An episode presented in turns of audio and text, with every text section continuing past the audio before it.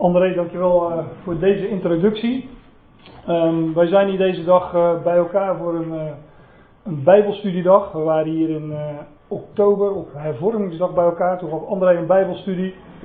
Toen Jannie het idee opperde, opperde om eens een, een Bijbelstudiedag te beleggen. Nou, zij stelde ons dat zo voor en ja, zo gezegd, zo gedaan.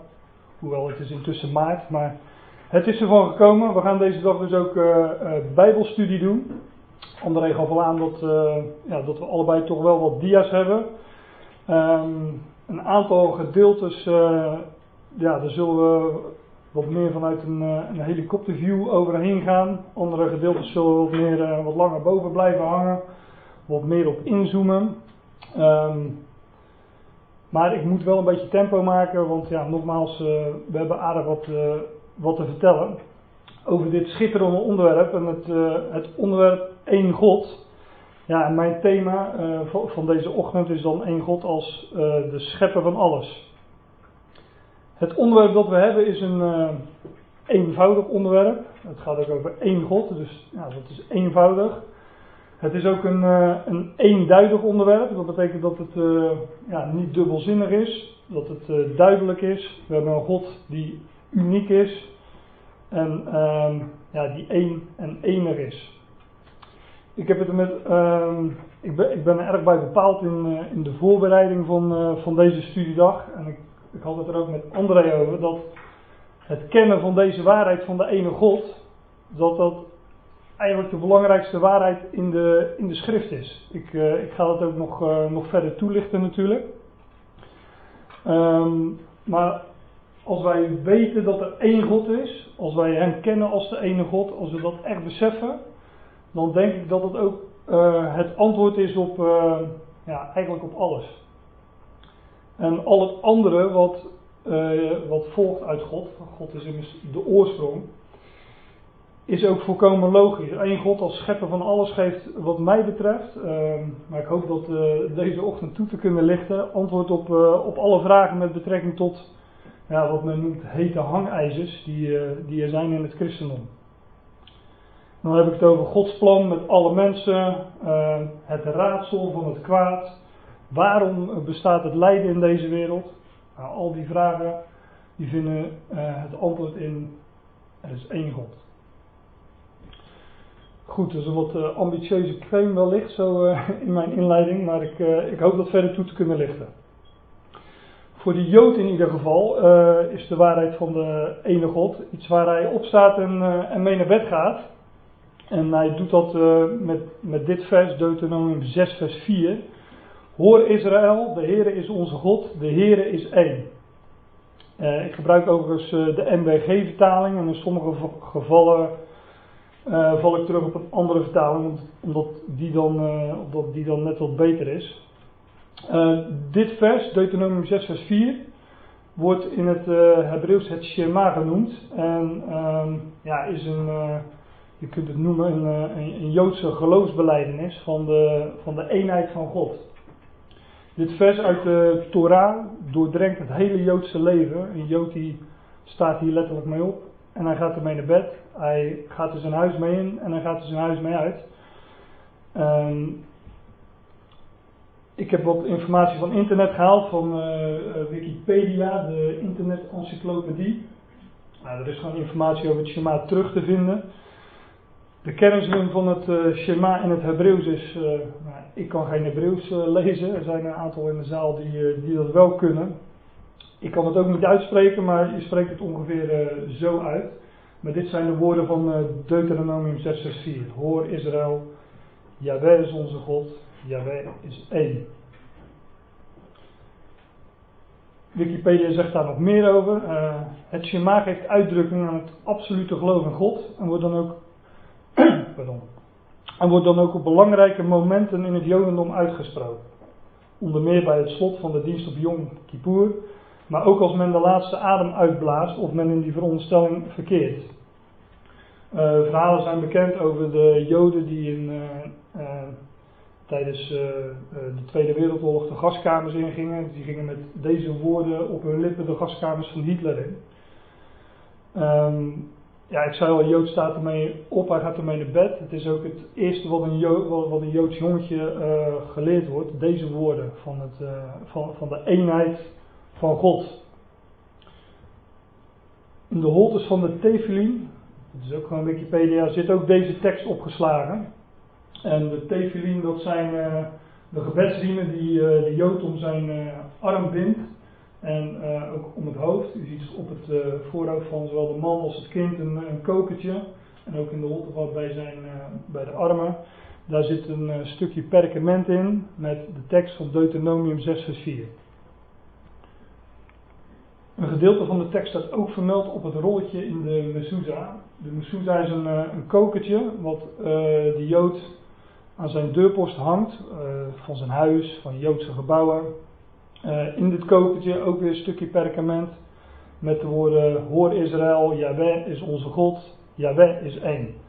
Dus die eenheid van God, die, uh, ja, die vult, uh, doordrenkt het hele Joodse leven. Het is de basis van, van het geloof van, van de Jood. En neemt een, ja, een hele markante, belangrijke plaats in, in, in de Joodse traditie.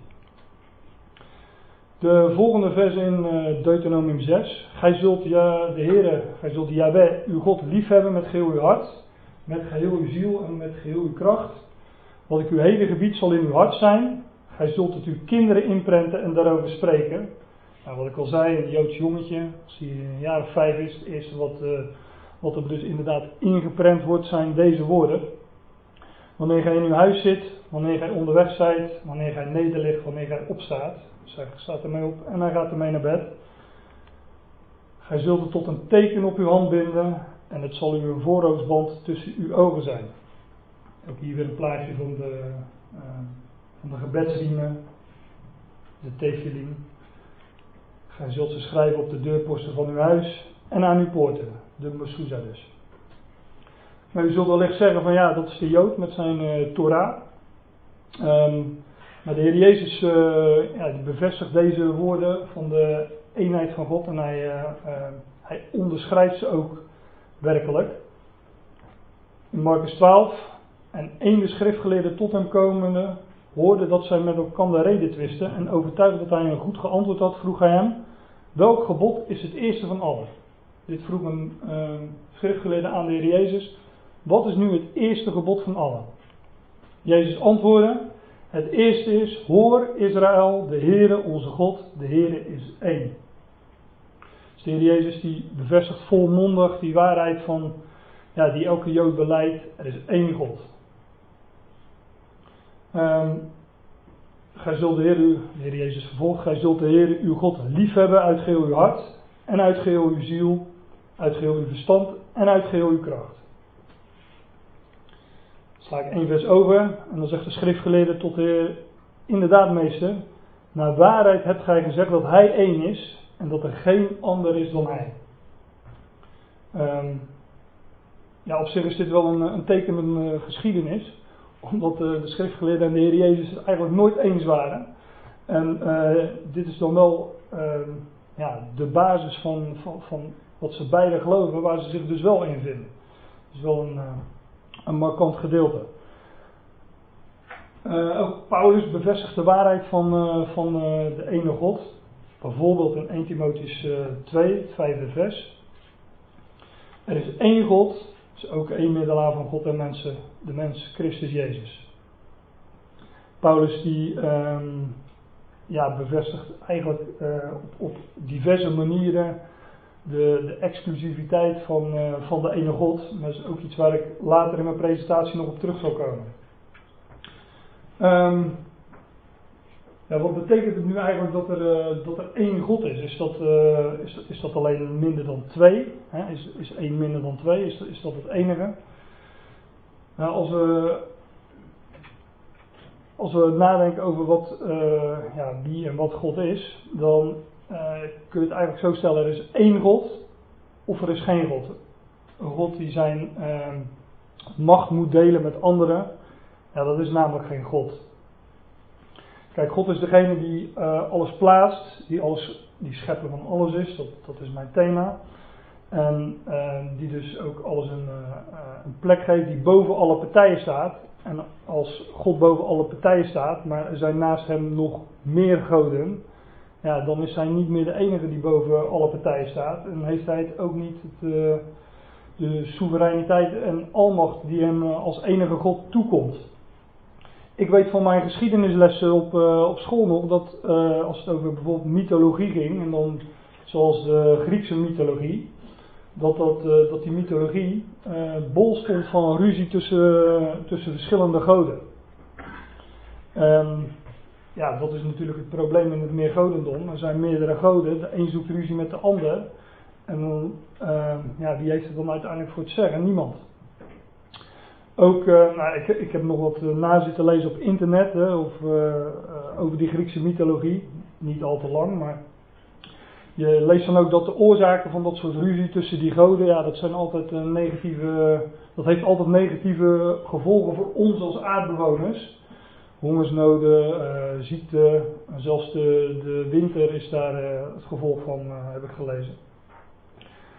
Dus ja, wil ik, om te benadrukken, er is één God of er is geen God. En ehm, ja, dat is eigenlijk de beleidenis van, van het Jodendom en wat later in, in, in het Nieuwe Testament, ons Nieuwe Testament, wordt bevestigd. Een paar schriftplaatsen die. Ehm, die mijn thema God als schepper van alles uh, raken. Um, Romeinen 11, vers 36.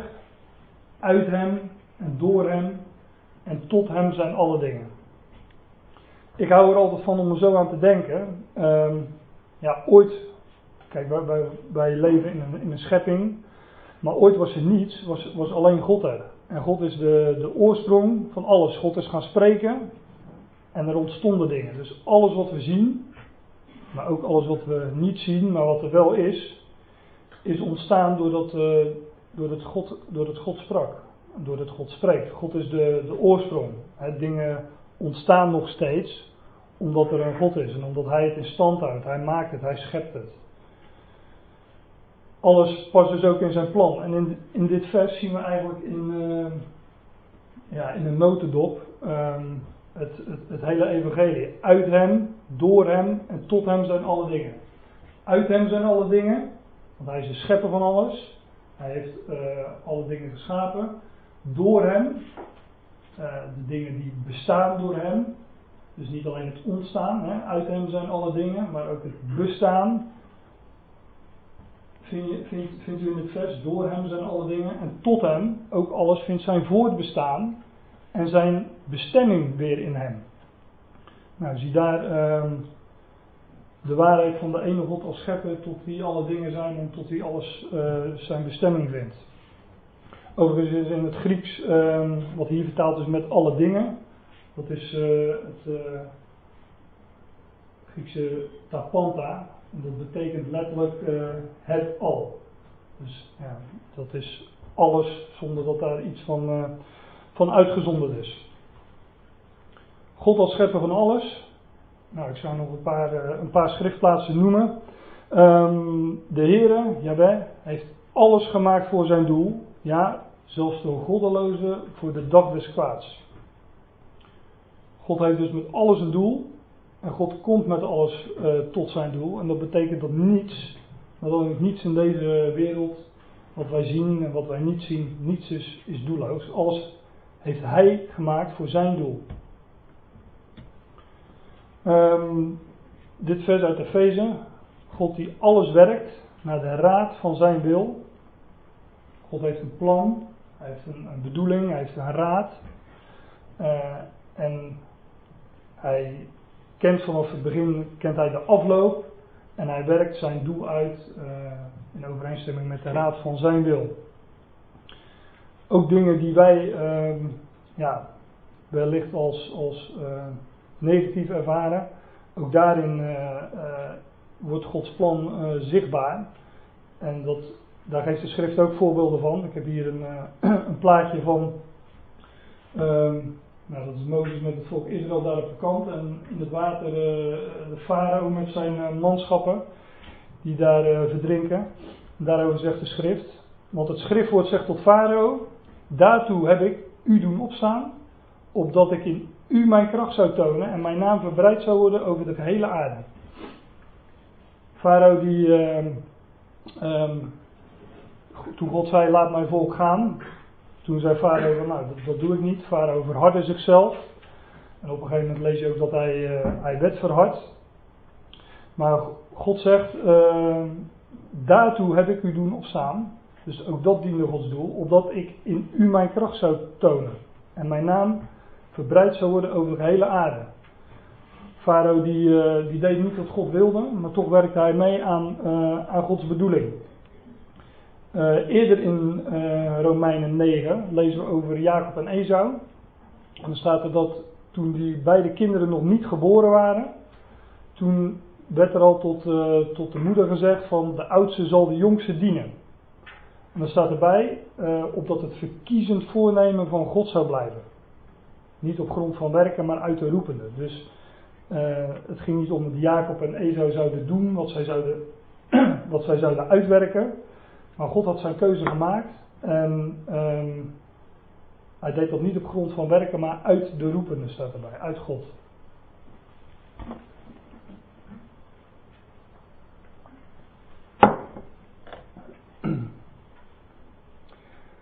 Wil ik ook meer zeggen over de term uh, uh, God.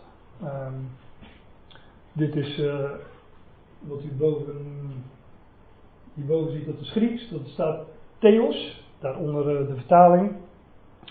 Um, maar wat, wat is nu eigenlijk God? Wat betekent die term God? we, zien, we hebben al gezien dat God een grote regisseur is. Zagen we in de voorgaande teksten dat hij de dingen op, op de plek zet die, die hij wil dat het heeft. Ook goddeloos als farao. Uh, God is in het Grieks theos.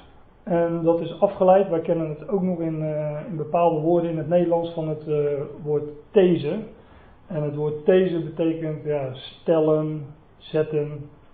Komt voor in synthese, dat is een samenstelling. Antithese is een tegenstelling. Uh, parenthese is, iets, ja, is een tussenzin, dus iets wat ertussen geplaatst is. Um, dat Griekse woord theos is dus afgeleid van dit woord these. Uh, ja, wat plaatsen betekent of, of, stellen. Het is afgeleid van uh, dit Griekse woord, het woord uh, titeni, met dit strongnummer. Um, ja, dat wordt in de, in degene leggen, leggen, stellen, ook eens vertaald en in de Concurrent Version, dat is een Amerikaanse vertaling, of een Engelse, Engelstalige vertaling, die elk woord uh, concordant, dat betekent, dat betekent eensluidend, zoveel mogelijk met hetzelfde vertaalwoord vertaalt. Um, theos, afgeleid van titeni, wat dus plaatsen betekent. En dat betekent dat, um, als we dat terugbrengen naar theos, dat God uh, de, de plaatser is. Dat hij de dingen plaatst hij zet de dingen op zijn plek. Hij uh, schikt de dingen. En dat alles naar de raad van zijn wil. Ik heb een uh, tweetal teksten als voorbeeld waar dit woord uh, titemi voorkomt. Deze bijvoorbeeld uit uh, 1 Timotheus 2. En ik ben daartoe als een verkondiger en een apostel gesteld, zegt Paulus. Dus God had hem die plaats gegeven ik ben gesteld, zegt de MBG, I was placed in de concurrent version. Gesteld. Um, dit is ook een leuk, omdat, omdat daar letterlijk gezegd wordt dat God uh, iets een plaats heeft gegeven. God heeft nu sommigen in de gemeente een plaats gegeven. Dit is ook een herziene statenvertaling. Uh, ook hier weer het woord plaatsen heeft aangesteld, zegt de, zegt de MBG. God is dus de theos, God is de plaatser. In het Hebreeuws is het overigens uh, Elohim, dat betekent zoveel als onderschikken of beschikken. Dat is eigenlijk hetzelfde. Uh, God is de beschikker, God staat boven alle partijen, hij beschikt de dingen, hij zet de dingen op zijn plek. Uh, hij onderschikt ook alles, want hij heeft alles onder zich en hij, ja, hij bepaalt, hij regisseert. In Jezaja vinden we een uh, aantal machtige hoofdstukken, mag ik wel zeggen, over de, de almacht de eenheid, de, de exclusiviteit, uh, de alwetendheid van God, uh, die echt benadrukken de, de, ja, de godheid van, van God en God als plaatsen van alles. Dit vers bijvoorbeeld in Jesaja 44. Zo zegt de Heer, de koning en verlosser van Israël, de Heer der Ischaren, ik ben de eerste en ik ben de laatste. Buiten mij is er geen God. Dus ja, dit raakt ons onderwerp. Er is één God, buiten hem is er geen God. Buiten hem is er geen plaatsen. Hij staat boven alle, alle partijen. Niets, maar dan ook niets, gaat buiten hem om. Overigens is Jezaja 44 een uh, uh, interessant hoofdstuk, omdat ik straks nog bij Jezaja 45 komt. En um, om een stukje context alvast te, schilderen voor uh, Jezaja 45. Jezaja 44 is een vrij lang hoofdstuk. Gaat ook over uh, meer godendom. Je moet het thuis maar eens nalezen. Maar God zegt daar uh, tegen de mens van ja, wat jullie doen, jullie hakken een boom om. De helft van die boom gebruik je om jezelf op te warmen. En je bakt er een, uh, een stuk wild boven en je voedt jezelf. Met, dat, met de andere helft van die boom ga je aan de slag, maak je een beeld van. En vervolgens ga je op je knieën voor iets wat je eigen handen gemaakt hebben. En zeg je van, u bent mijn God, help mij. Terwijl de schrift juist leert, niet dat onze handen een God voortbrengen, maar dat zijn handen ons hebben voortgebracht. Dus dat is, uh, ja, er wordt, wordt in Jezaja 44 wel de, de spot meegedreven. Jezaja 43, ook zo'n vers. Voor mij is er geen God geformeerd en na mij zal er geen zijn. Terwijl ja, weer die exclusiviteit van de ene God. Er is nooit een God voor hem geweest, na hem zal er ook geen God zijn. God heeft, uh, God heeft het ook overzicht. Hij kent vanaf het begin, kent hij de afloop. Hij, hij stuurt de dingen zoals hij het wil. Ik zei het al, het is echt een, een kroongetuige als het gaat om, uh, om de eenheid en uh, de almacht van, van God. Ik, ik ben de Heer, ik ben Jaweh, buiten mij is er geen verlosser. Um, ja, dat woordje verlossen, dat, dat gaan we nog vaker terugzien in, in de schriftplaatsen die ik voor het voetlicht wil brengen vanmorgen omdat het ook een steeds terugkerend refrein is. Hè? Uh, ik ben God, er is niemand meer, buiten mij is er niemand, maar ook ik ben, ik ben een verlosser, ik ben een redder.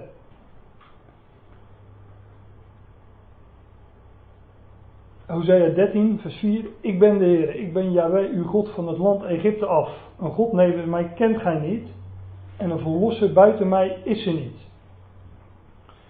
Overigens, dit woord uh, verlosser, ik zei er net al iets over. In de Statenvertaling wordt dat vertaald met heiland. Uh, en uh, ja, betekent gewoon redden. Maar als we de naam van God, die in de MBG ehm, vertaald wordt met heren. Als we, die, als we de naam van God, de naam van God Yahweh, als we die voor dit woord voor verlosser plakken, dan krijg je de naam Jehoshua. Dat is natuurlijk de Hebreeuwse naam voor uh, ja, wat in het Grieks is Jezus. En Jezus, Jehoshua, dat betekent dus Yahweh red. Dus ook hier weer die, uh, ja, eigenlijk een eigenschap, het karakter van God is dat hij een redder is. Wanneer dan ook, wie dan ook en hoe dan ook, denk, denk ik dan maar. Um, ik zou naar Jezaja 45 gaan. Uh, dat is dus een schriftgedeelte waar ik wat meer versen uit wil, uh, uit wil halen, wil laten zien, omdat, het, er heel veel in, in, in, voorkomt wat ons onderwerp raakt. Eén God als, als schepper van alles. Um, ik ben de Heer en er is geen ander. Buiten mij is er geen God. Ik gorde u, hoewel gij mij niet kende. Opdat men weten waar de zon op gaat en waar zij ondergaat, dat er buiten mij niemand is ik ben de Heer en er is geen ander. Overigens lichten de volgende versen dit, dit, ook wel toe, maar opdat men weet waar de zon op gaat en waar zij ondergaat, dat, dat is niet zomaar een kreet. Maar men zal dat weten van waar de zon op gaat tot waar de zon ondergaat. Men zal weten dat er buiten hem niemand is. Nu zien wij dat nog niet, want nu weet nog niet iedereen het. Daarom zijn we hier ook bij elkaar vanmorgen wellicht. Maar deze dag. Maar men, zal dat weten. Men zal van waar de zon opgaat tot waar zij ondergaat weten dat er buiten hem niemand is. En iedereen zal dat erkennen. Ik ben Jaweh, er is geen ander. Nou, verderop in het hoofdstuk kom ik, kom ik hier nog wel op terug. Die het licht formeert en de duisternis schept, die het huil bewerkt en het onheil schept. Nou, dit is de MBG-vertaling, is wat zwak vertaald. Hier staat uh, de letterlijke uh, vertaling vanuit het Hebreeuws. One making well-being and one creating evil. De Statenvertaling heeft dan ook. Ik maak de vrede en schep het kwaad. Ik heb al uh, ik, ik, in, in, de voorbereiding naar deze studiedag, in, in gesprekken met, met collega's, uh, uh, maar ook discussies op internet, ben ik er nog zo bij bepaald dat, dat, dat, ja, dat men dit zo ontzettend moeilijk vindt om te geloven. Dat God de schepper is van het kwaad. we hadden al gezien dat God alles werkt naar de raad van zijn wil. En dat hij alles gemaakt heeft. Alles, zelfs de goddelozen worden de dag des kwaad, zegt Spreuken 16. Maar ook het kwaad dus. En um, men, en dan, ja, versta ik onder men de theologie, het christendom, men, men vindt het moeilijk, men wil hier niet aan. Maar eigenlijk um, is het volkomen logisch als we, als we erkennen en weten dat God de schepper is van alles, ja, dan heeft zelfs het kwaad een oorsprong. En als God zegt dat hij alles werkt naar de raad van zijn wil en dat hij alles uitwerkt voor zijn doel, dan heeft dus ook dat kwaad een plek in zijn plan. De standaard christelijke theologie. Uh, God had een plan. Uh, daar was een engel die uh, kreeg het hoog in zijn bol, wilde als God zijn. Dat ging mis. God moest over op plan B. Daarna ging het overigens weer mis, want God maakte mensen, Adam en Eva, zette ze in de hof. Uh, deden het enige wat ze niet mochten doen, deden ze toch. God moest over op plan B, en wellicht zou dat dan intussen al plan C zijn.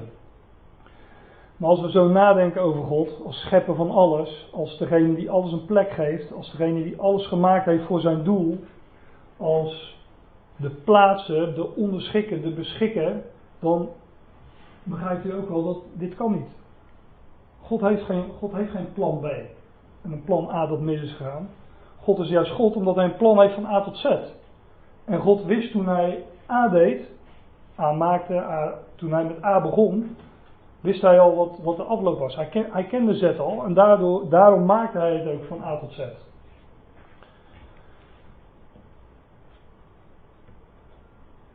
God heeft een plan, hij volvoert het plan, hij kent vanaf het begin de afloop. Dat zegt ook dit vers. Ik die van de begin de afloop verkondig. Isaiah 46 vers 10.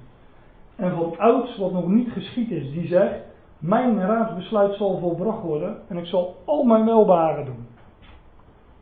Het, dit, dit, is geen God van een plan B. Dit is een God die vanaf het begin de afloop kent, die uh, van ouds uh, vertelt wat nog niet geschied is, die een plan heeft, een raadsbesluit en hij volbrengt dat raadsbesluit En is geen mens of, of ander schepsel die, uh, die roet in het eten zou kunnen gooien. God volvoert zijn plan, daar is hij God voor. God doet wat hij wil. Als ik dit overigens lees, uh, en ik zal al mijn welbehagen doen, moet ik altijd denken, kijk, ik heb, uh, ik heb er geen dia van, maar aan de woorden uit 1 Timotheus uh, 2, vers 4 is het geloof ik, waar God zegt van, uh, want dat, wat Paulus zegt, dat is goed en aangenaam voor God onze redder, die wil dat alle mensen gered worden. Want er is één God, voegt hij eraan toe. Wellicht dat uh, Ander nog op dat vers terugkomt. Ik weet het niet. Um, maar dat is dus wat God wil. Hij wil dat alle mensen gered worden. En dan staat erachter van, ja, er is één God. God zal, God zal al zijn welbehagen doen. Um, een aantal um, versen die, die spreken over de, de oorsprong van het kwaad. Jezaja 54. Ik ben het ook die de verderver geschapen heb om te vernielen. Ja, ik heb af en toe die, uh, die grondtekst er maar onder gezet. Zodat u, uh, zodat u ook een beetje mee kan lezen. Ja, wat, staat er nu letterlijk? En klopt de vertaling uh, die de MBG geeft ook met, met wat, wat de grondtekst zegt? Wat zegt de schrift nog meer over de oorsprong van het kwaad? Want de duivel zondigt van de beginnen. Vanaf het moment dat de duivel gemaakt is, zondigt hij, zegt de schrift. Van de beginnen. Zondigde Adam en Eva van de beginnen? Nee, die niet. Die niet van de beginnen. De duivel wel, zegt de schrift. Hij zondigt van de beginnen. Adam en Eva, is volgens mij ook 1 Timotheus 2, een paar versen verder dan uh, wat ik zojuist aanhaalde. Adam en Eva zijn in zonde gevallen. De duivel, hij zondigt van de beginnen.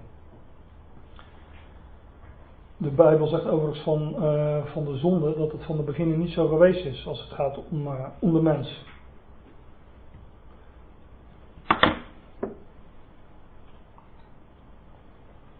Nou, een vers uit uh, Johannes 8. Ik zei al dat, dat de Heer Jezus en de schriftgeleerden het vaak niet met elkaar eens waren. Nou, dat blijkt ook een beetje uit deze woorden. Gij hebt de duivel tot vader, zegt de Heer Jezus, en wilt de begeerte van uw vader doen. Die was een mensenmoorder van den beginnen. En staat niet in de waarheid, want er is in hem geen waarheid. Letterlijk staat hier, in de waarheid heeft hij niet gestaan. De duivel staat niet in de waarheid, uh, hij heeft niet in de waarheid gestaan, nu niet en uh, nooit niet. Nou, dat heeft niet gestaan. Wanneer hij de leugen spreekt, spreekt hij naar zijn aard, want hij is een leugenaar en de vader der leugen. De aard van uh, iemand, ja, we zeggen wel de aard van het beestje, of hij heeft een aardje naar zijn vaatje. Uh, maar de aard van iemand, dat is zijn wezen, zijn natuur, zijn karakter. Een, uh, ja, een hond blaft, een slang sist en de Satan liegt. Dat, ja, dat staat hier. Hij is hij is, eh, wanneer hij de leugen spreekt, spreekt hij die naar zijn aard. Dus hij is niet zo geworden, het is zijn aard. Hij is zo geschapen, het is er ingebakken, ingeschapen.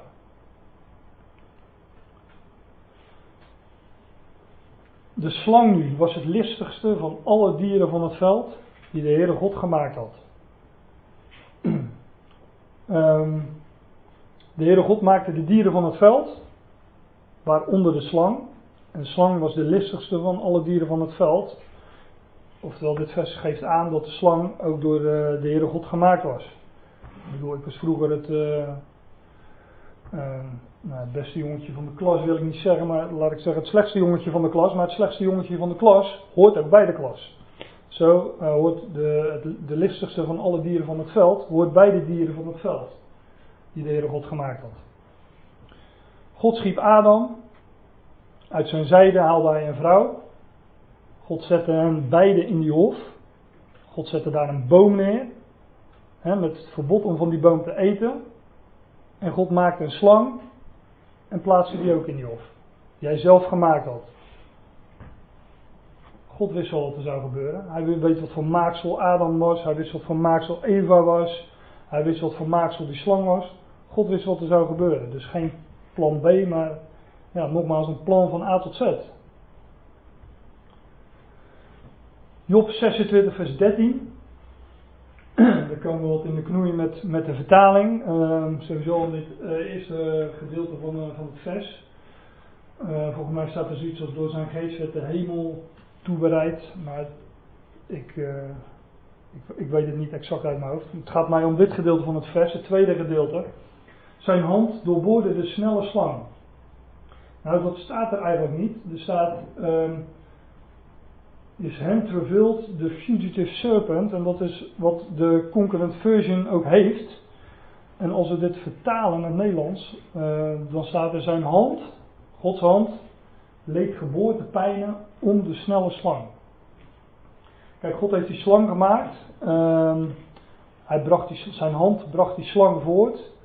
En ja, staat dat God um, geboortepijnen leed om het voortbrengen van die slang.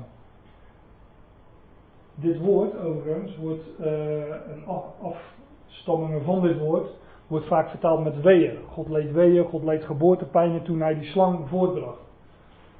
God wist wat hij voortbracht. Dat hij een, tegenstander schiep die ja, ontzettend veel ellende zou veroorzaken. En, um, maar toch, toch deed God het, omdat het paste in zijn plan. Maar het deed hem pijn. Nog een vers waarin, ehm, hè, had Isaiah 45 vers 7 zojuist, ehm, komt niet uit de mond van de Allerhoogste het kwade en het goede, klaagliederen 3. Dit woord overigens, good en evil, uh, dat woord kwaad, dit is hetzelfde woord als in Jezaja 45 vers 7. En we zullen dat, uh, ja, vers ook nog wel vaak, dat woord ook nog wel vaker tegenkomen. In Job bijvoorbeeld. Job die, uh, nou kent de geschiedenis, dit is Job 2. In Job 1 raakt hij al zijn bezittingen kwijt. En niet alleen zijn bezittingen, ook zijn, zijn kinderen. Ehm, hij heeft alleen zijn vrouw nog ongeveer. hij raakt ook nog onder de zweren, hij wordt ziek. En zijn vrouw zegt tegen hem van, joh Job, nu wordt het wel tijd dat je God vaarwel zegt. En wat zegt Job dan? Maar hij zeide tot haar, dus Job zei tot zijn vrouw, zoals een zottin spreekt, spreekt ook gij. Zouden wij het goede van God aannemen en het kwade niet? Dus Job wist um, dat ja, wat, hij wat er gebeurde, dat het ook in Gods hand lag. En dat, ja, zelfs dat het uit Gods hand kwam. Want hij zegt, zouden wij het goede van God aannemen en het kwade niet. Nu denkt u misschien, uh, die Job, uh, die was verschrikkelijk in de war. Hè, dat zouden wij uh, wellicht ook hebben als ons dat overkomen was. Maar dan zegt de schrift, in dit alles zondigde Job met zijn lippen niet. Om toch, ja, naar mijn mening, om toch de bevestiging te geven. Ja, het was geen onzin wat Job hier zei. Het klopt. Nou, dat woordje voor kwaad is dit woordje ra in het Hebreeuws. Nou, we staan met het vaak een evil. En uh, alle schriftplaatsen die ik tot nu toe heb laten zien, waar, uh, waarin dat woordje kwaad als vertaalwoord stond, is altijd uh, dit Hebreeuwse woord.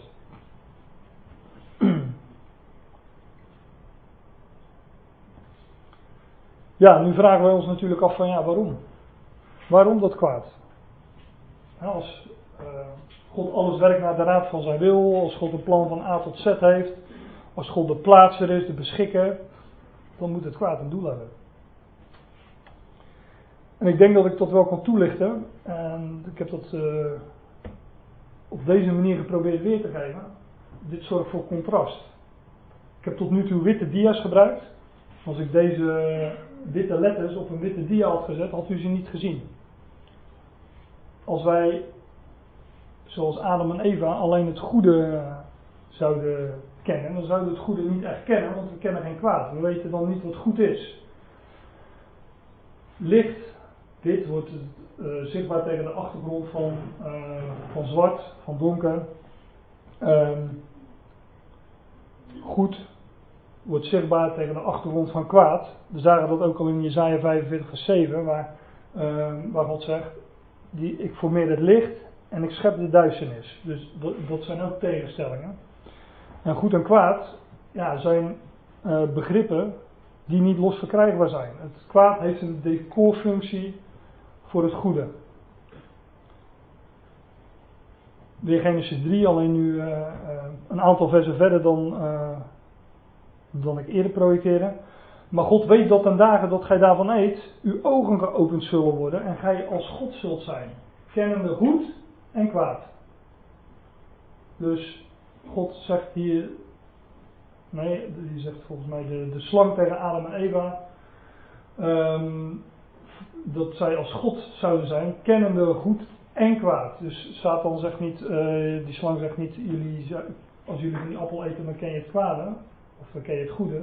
Maar hij zegt goed en kwaad. Het zijn dus begrippen die niet los verkrijgbaar zijn. Adam en Eva hadden het goed, maar ze wisten niet dat ze het goed hadden, omdat ze, geen kwaad, omdat ze het kwade niet kennen. We zien dat ook direct in de, in de geschiedenis uh, hierna. Als uh, Adam en Eva tot ontdekking komen. Hey, als ze gegeten hebben van die vrucht, hey, we zijn naakt. Ze gaan zichzelf bladeren voordoen. Eh, ze voelen zich uh, ja, schuldig. En als ze God aanhoren komen door de hof, gaan ze zich verstoppen. En op dat moment is het is, dat is het eerste moment dat God zijn genade komt tonen. Hij zegt op dat moment van Adam, waar ben je? Dus God laat zien, ondanks dat jullie iets gedaan hebben wat je niet mocht doen, ik zoek jullie weer op. Toen toonde God zijn genade en toen liet hij zien dat hij goed was. Dat was Dat, dat ervaarde uh, zij ook pas toen zij, toen zij het kwade kenden.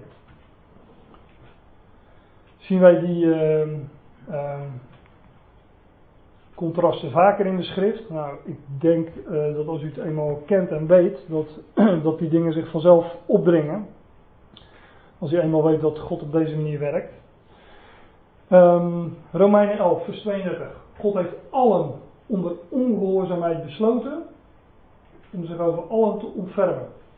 Kijk, wij kennen God pas als een ontfermende God wanneer wij onder ongehoorzaamheid besloten zijn. God heeft allen, Jood en Heiden, spreekt het verband over in Romeinen, onder ongehoorzaamheid besloten om zich over allen, Jood en Heiden, te ontfermen. Overigens is, uh, ik projecteerde al eerder een, uh, een vers uit Romeinen 11. Paulus breekt hierna in, in, een, een loszang uh, uit als hij zegt van, o diepte van rijkdom, van wijsheid en van kennis van God. Hoe onderzoekelijk zijn zijn oordelen en hoe onnaspeurlijk zijn zijn wegen. Want uit hem, door hem en tot hem zijn alle dingen. Goed, de wet. Ook zo'n uh, contrast. De wet is bovendien ingekomen omdat, opdat de misdaad te minder worden. Als u denkt dat de wet gegeven is om, uh, om u minder te doen zondigen, dan. Uh, nou, dit vers zegt heel iets anders. De wet is bovendien ingekomen opdat de misdaad te meerder worden. Waar de zonde meerder geworden is, daar is de genade veel meer overvloedig geweest. Dus de, Gods doel met de zonde is het tonen van zijn overvloedige genade, zegt het vers. Dus pas als wij, als wij zondaren zijn, als wij zondigen, pas, pas dan kan God laten zien dat hij werkelijk genadig is. Een van de mooiste voorbeelden wellicht over, over goed en kwaad en over hoe God de dingen uh, beschikt, is de geschiedenis van Jozef.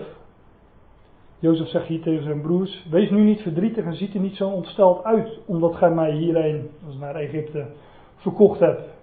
Want om u in het leven te bouwen, heeft God mij voor u uitgezonden. Een paar versen later, eh, een paar hoofdstukken later, zegt Jozef: Gij, zegt hij tegen zijn broers, gij, jullie, jullie hebben wel kwaad tegen mij gedacht, maar God heeft dat ten goede gedacht ten einde te doen zoals heden het geval is, een groot volk in het leven te bouwen. Ook hier overigens weer uh, voor de woorden goed en kwaad dezelfde als bijvoorbeeld in Genesis 3. Maar de broers van Jozef hadden kwaad bedacht. Hè, en ja, wij, als, wij als wij alleen dat gedeelte van de geschiedenis kennen, dan denken wij ook van ja, dat, dat, dat is ook kwaad. Hè, dat, dat, uh, maar God, God heeft dat ten goede bedacht. God had, God had een plan met Jozef. En ja, door dat uh, onderdeel van dat plan was dat hij in die kuil terecht kwam. Dat hij als slaaf verkocht naar Egypte. Maar uiteindelijk verhoogd werd uh, aan het hof van Farao. En uh, daar onderkoning werd als schitterend type van de Heer Jezus zelf. Overigens. De schrift zegt zelfs ronduit dat God kwaad is. Want zo zegt de Heer der Scharen. Zachariah 8, vers 14. Zoals ik mij voorgenomen had u kwaad te doen, toen uw vader mij vertoornde. Ook hier weer datzelfde Hebreeuwse woord jara voor kwaad. Um, in Samuel 16 staat zelfs dat God een kwade geest, die vertaald met boze geest, stuurt. Maar van Saul was de geest van Jaweh geweken. En een boze geest die van Jaweh kwam, joeg hem angst aan. Hier ziet u dat woord jara evil spirit, boze geest, vertaald, maar eigenlijk een kwade geest.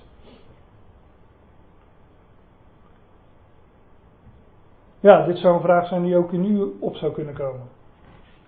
Gij zult nu tot mij zeggen, zegt Paulus, als hij een uiteenzetting heeft gedaan over Farao, over uh, Jacob en Esau, um, over als hij zegt van joh, God verhardt wie jij wil, uh, maar en God ontfermt, uh, ontfermt zich over wie jij wil. Nou, dan zouden wij kunnen zeggen van wat heeft er dan nog aan te merken? Want wie wederstaat zijn wil? Wie wederstaat Gods bedoeling? Antwoord is niemand wederstaat Gods bedoeling. Daarom wellicht de vraag, ja, wat, wat, wat heeft hij dan nog aan te merken? Nou, er komt gelukkig ook een antwoord op deze vraag. Maar gij, o mens, wie zijt gij dat gij God zou tegenspreken? Zal het geboetseerde soms tot zijn boetseerde zeggen, waarom hebt gij mij zo gemaakt? Of heeft de pottenbakker niet de vrije beschikking over het leen om uit dezelfde klomp het ene voorwerp te vervaardigen tot eervol, het andere tot oneervol gebruik? Schrift zegt, wij zijn klei in de hand van de pottenbakker. Ik heb al vaak voor mijn voeten gekregen van ja, wij zijn toch geen robots? Nee, we zijn geen robots. We zijn klei in de hand van de pottenbakker. En God is de pottenbakker en hij heeft de vrije beschikking over ons als leem. Om het ene vat ter ere te maken, het andere ter onere. En hij doet dat omdat hij een plan heeft, omdat hij een bedoeling mee heeft. Omdat hij de uh, regisseur is, ja in dit geval de, de boetseerder, de kunstenaar. Het was een wat lange uitstap, maar ik ga terug naar Jezaja 45. Die het licht voor meer de duisternis schep. Die het heil bewerkt en het onheil schep. Ik maak de vrede en schep het kwaad, zei uh, de Statenvertaling, letterlijker vertaald. Ik sla een paar versen open, over en dan kom ik uh, in vers 12. Ik ben het die de aarde gemaakt en de mens daarop geschapen heb. Mijn handen hebben de hemel uitgespannen en aan al hun Heer heb ik mijn bevelen gegeven. Nou, God als één God, als schepper van alles. Hij heeft de aarde gemaakt, hij heeft de mensen erop geschapen, hij heeft de hemelen uitgespannen en, al, en aan al hun Heer heeft hij zijn bevelen gegeven. Wie heeft dit van ouds doen horen? Het van overlang verkondigd. God die, uh, God zegt vanaf, uh, verkondigt vanaf het begin de dingen die zullen geboren, gebeuren. Wie heeft dit van ouds doen horen? Wie heeft het van overlang verkondigd? Ben ik het niet, de Heer? Ben ik het niet, Jaweh? Er is geen God behalve ik. Een rechtvaardige, verlossende God is er buiten mij niet. Ik zei al, het is een terugkerend refrein dat waar gesproken wordt over um, God. Er is geen God buiten mij, de, de, het unieke van, van de exclusiviteit van God dat er elke keer weer wordt gesproken over dat hij een reddende, een verlossende God is.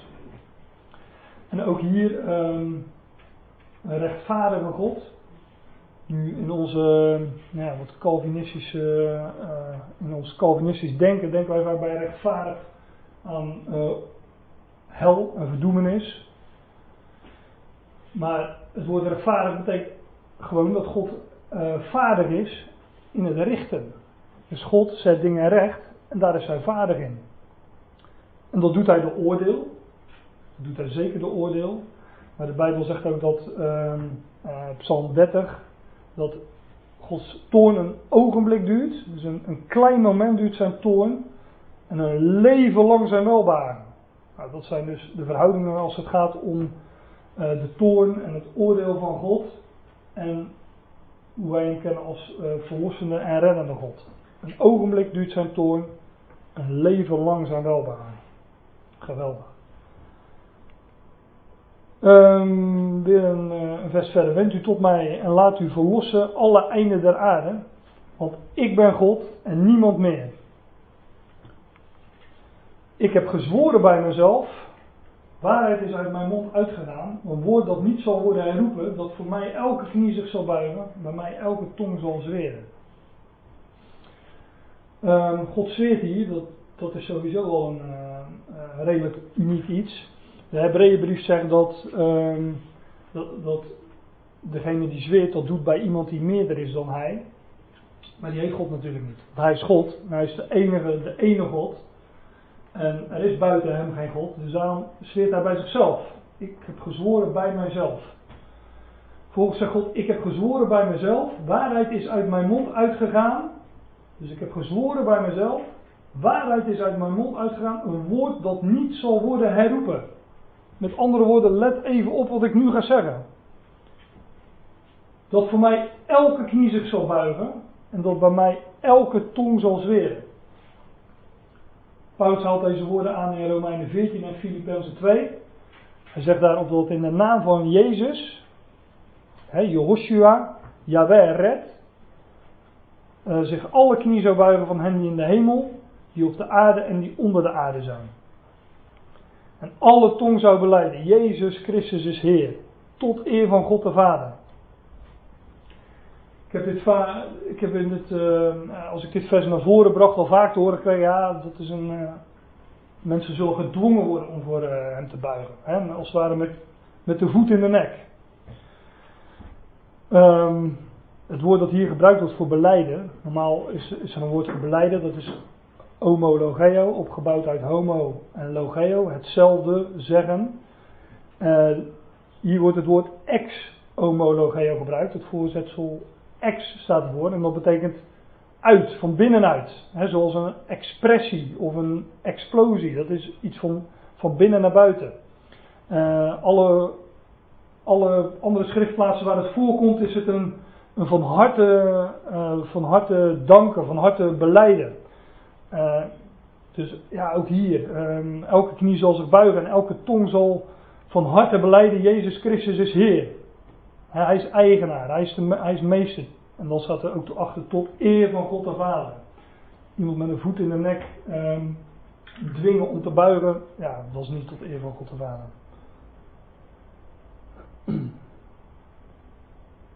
Nou, het staat ook in Romeinen 14 vers 11, dat, gaf ik al aan. Terug naar Jezaja 45. Alleen bij de Heer, alleen bij Jehovah zal men van mij zeggen is gerechtigheid en sterkte. Tot hem zal men komen. En beschaamd zullen staan allen die tegen hem ontstoken zijn. En they shall be ashamed. Um, de vertalers hebben hier de indruk gewekt alsof, um, ja, alsof het hier over een, een andere groep gaat. Degene die tegen hem ontstoken zijn. Maar staat alleen bij Yahweh, of bij de Heer, zal men van mij zeggen, is gerechtigheid en sterkte. Tot hem zal men komen en beschaamd zullen staan alle die tegen hem ontstoken zijn. Dus diegenen die tot hem komen, ja, daar zullen veel van uh, ooit tegen hem ontstoken zijn en ja, die zullen beschaamd worden. In Jawel zullen zij gerechtvaardigd worden en al het zaad van Israël zal lofprijzen. Dus uh, ja, al die mensen, die, al, die, al die knieën die zullen buigen, die zullen tot hem komen.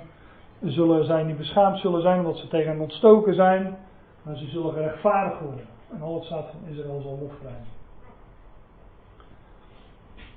Um, ja, ik heb nog een schriftgedeelte uit uh, Handelingen 17. Dit is Paulus, moet, dat voorstellen op het plaatje. Paulus op de Areopagus. Dit is een vrij lang schriftgedeelte. En um, het is ook echt, echt een heel mooi schriftgedeelte. Het gaat over Paulus op de Areopagus. U kent het wellicht ook al onder de, de titel De Onbekende God. Waar Paulus een, uh, een schitterende toespraak houdt. Uh, waarin hij spreekt over God als schepper van alles. Um, over de, de almacht, de soevereiniteit, de, de godheid van God. Ja, sommige versen um, zal ik alleen lezen, om, zodat we het verhaal een beetje kunnen volgen. Ik ga er natuurlijk ook een beetje vanuit dat u het verhaal uh, kent. Um, maar ik wil een paar versen even voor het voetlicht halen, omdat die versen kernachtig de zaken benoemen die, uh, die, die, ons, die mijn onderwerp van deze, deze ochtend uh, raken. Dit hoofdstuk geeft op zich al um, stof voor een Bijbelstudiedag op zich. Dus ik ja, moet door sommige dingen gewoon wat snel heen. Paulus. Terwijl Paulus de Athene op hem wachtte. Athene is een plaats in Griekenland, kent u wel. Um, Paulus is daar in Athene. Staat dat hij dagelijks met, um, met de Joden handelde, uh, overlegde in, uh, in de synagoge. Maar ook op de markt zich bewoog tussen de mensen en met iedereen die het maar horen wilde over. Uh, over God sprak.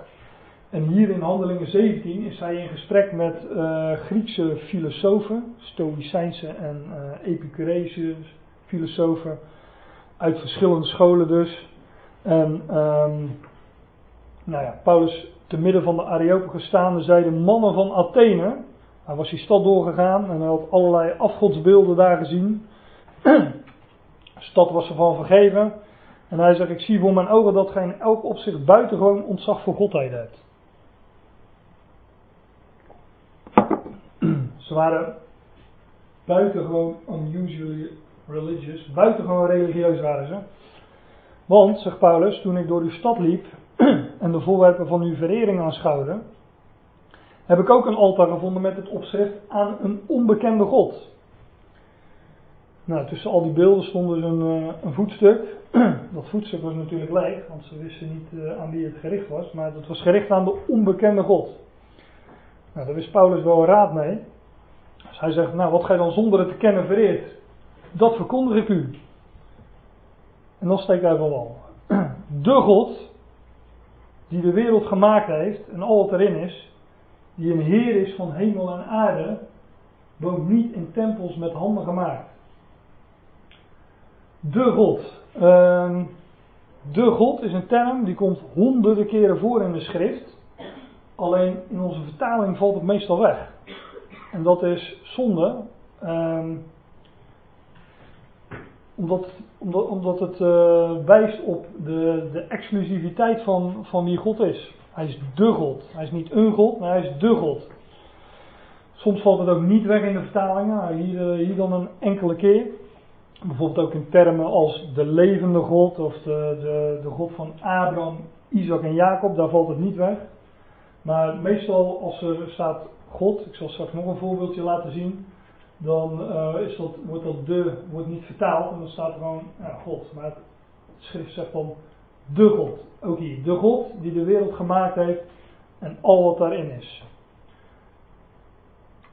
De God is dus ja, de, de ene God waar we het vandaag over hebben. Hij is ook de enige God. En ja, nogmaals, dat de, de God geeft exclusiviteit aan.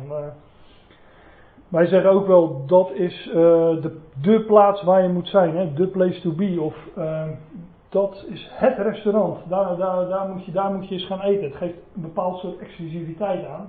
En God is niet God. Hij is ook niet een God, maar hij is de God. De ene en enige namelijk. God is Heer van hemel en aarde. Woont niet in tempels met handen gemaakt.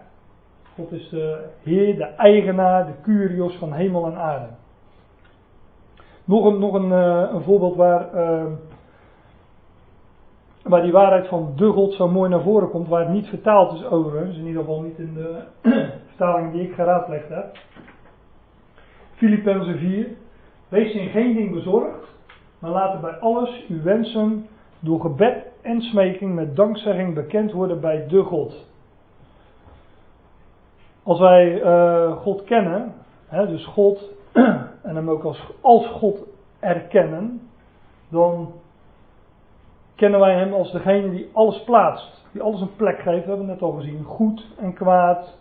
Um, hij, hij, kent, hij kent ons, hij kent onze omstandigheden. Hij geeft alles een plek en alles werkt mee naar de raad van zijn wil. Alles verloopt volgens zijn plan. En um, als, je, als je dat weet, dan, dan ben je niet bezorgd. Wees in geen ding bezorgd, zegt, uh, zegt Paulus dan ook in Filippenzen 4.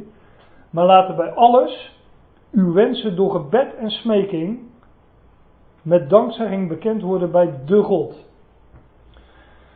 Dus wij kunnen um, alles wat wij wensen, wat wij denken, wat wij voelen, ja, dat kunnen we bekendmaken bij God. Dat kunnen doen door gebed met, door, en, en, smeking. We kunnen, maar we kunnen hem bijvoorbeeld danken dat hij God is. Dat hij de God is. Dat hij de plaatser is. En dat hij alles beschikt.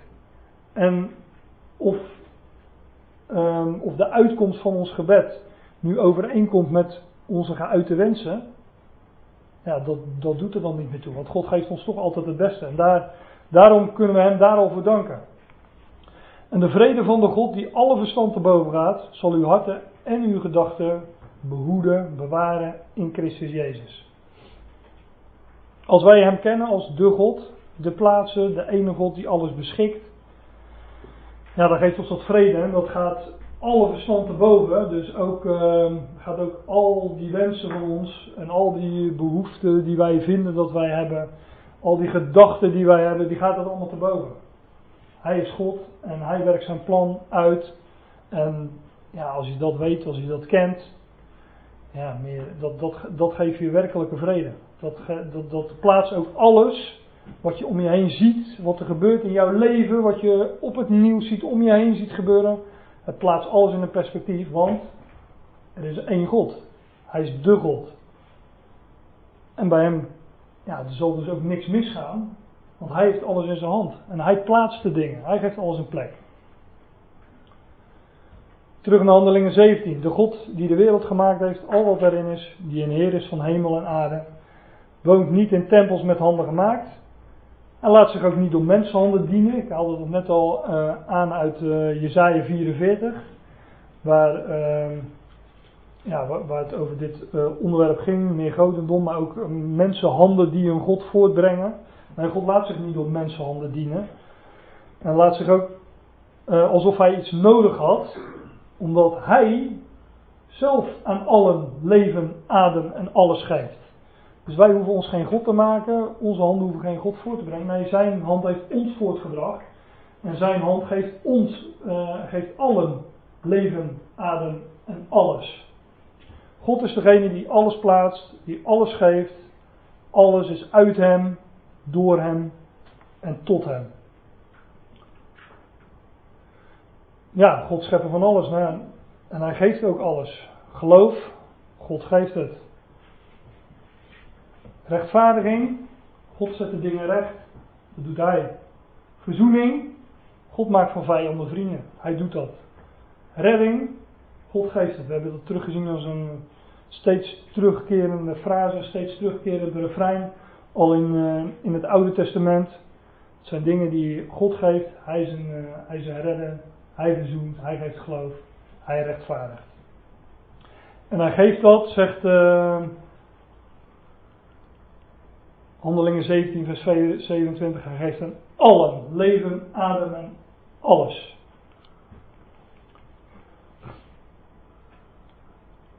Hij heeft uit één enkele het hele menselijke geslacht gemaakt om op de ganse oppervlakte der aarde te wonen. En heeft hun toegemeten tijden en de grenzen van hun woonplaatsen bepaald opdat zij God zouden zoeken, of zijn altastende vinden mochten, hoewel hij niet ver is van ieder van ons. God is niet ver, God is in heel zijn schepping. Wij leven in zijn schepping. En alles wat we zien, alles wat we, wat we ook niet zien, maar wat er wel is, dat heeft zijn ontstaan en zijn bestaan en, zijn, en het voortbestaan in hem. God is niet ver van ieder van ons. Want in Hem leven wij, bewegen wij ons en zijn wij. In deze schepping worden wij um, ja, vrijwel elke minuut uh, geconfronteerd met um, intelligent, intelligent design, wat men dan zo noemt. Maar dat er een, een idee achter de dingen zit. Dat, dat het geschapen is. Dat, dat, dat, er een God, ja, dat er niet een God is, maar dat, dat, dat, dat God er is. Zoals ook enige van uw dichters hebben gezegd, zegt Paulus tegen die uh, filosofen. Want wij zijn ook van zijn geslacht. wij, zijn van ook, wij zijn ook van zijn race, zegt het Engels.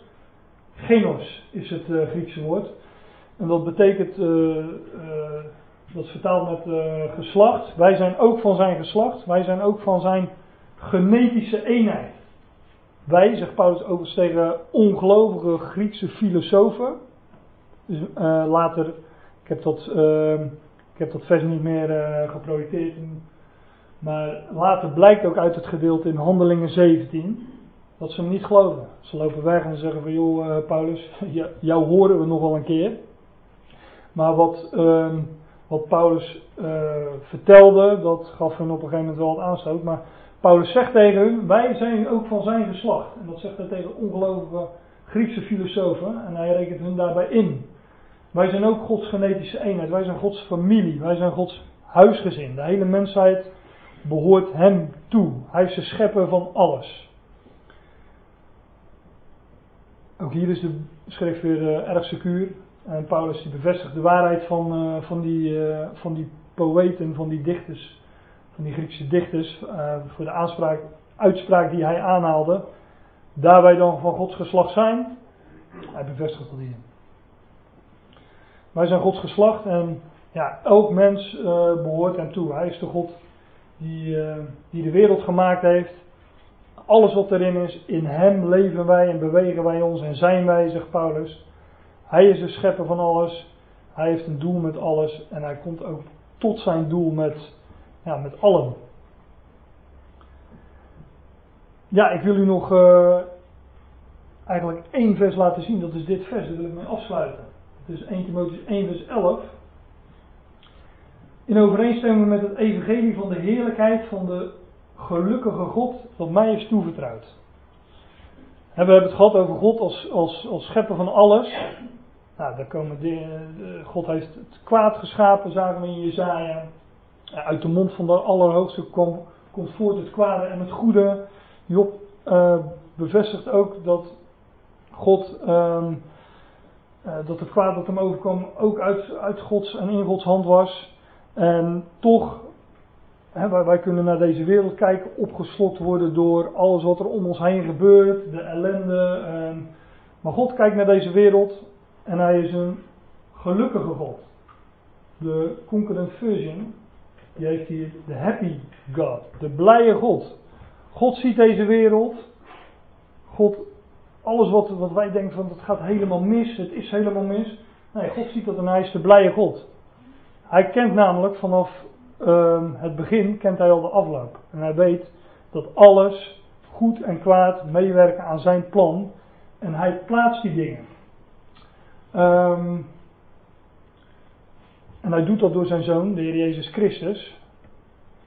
Psalm 1 gaat over hem, over, zijn, over de Heer Jezus Christus. Al wat hij onderneemt, gelukt. God is de gelukkige God, omdat al wat hij onderneemt, hem gelukt.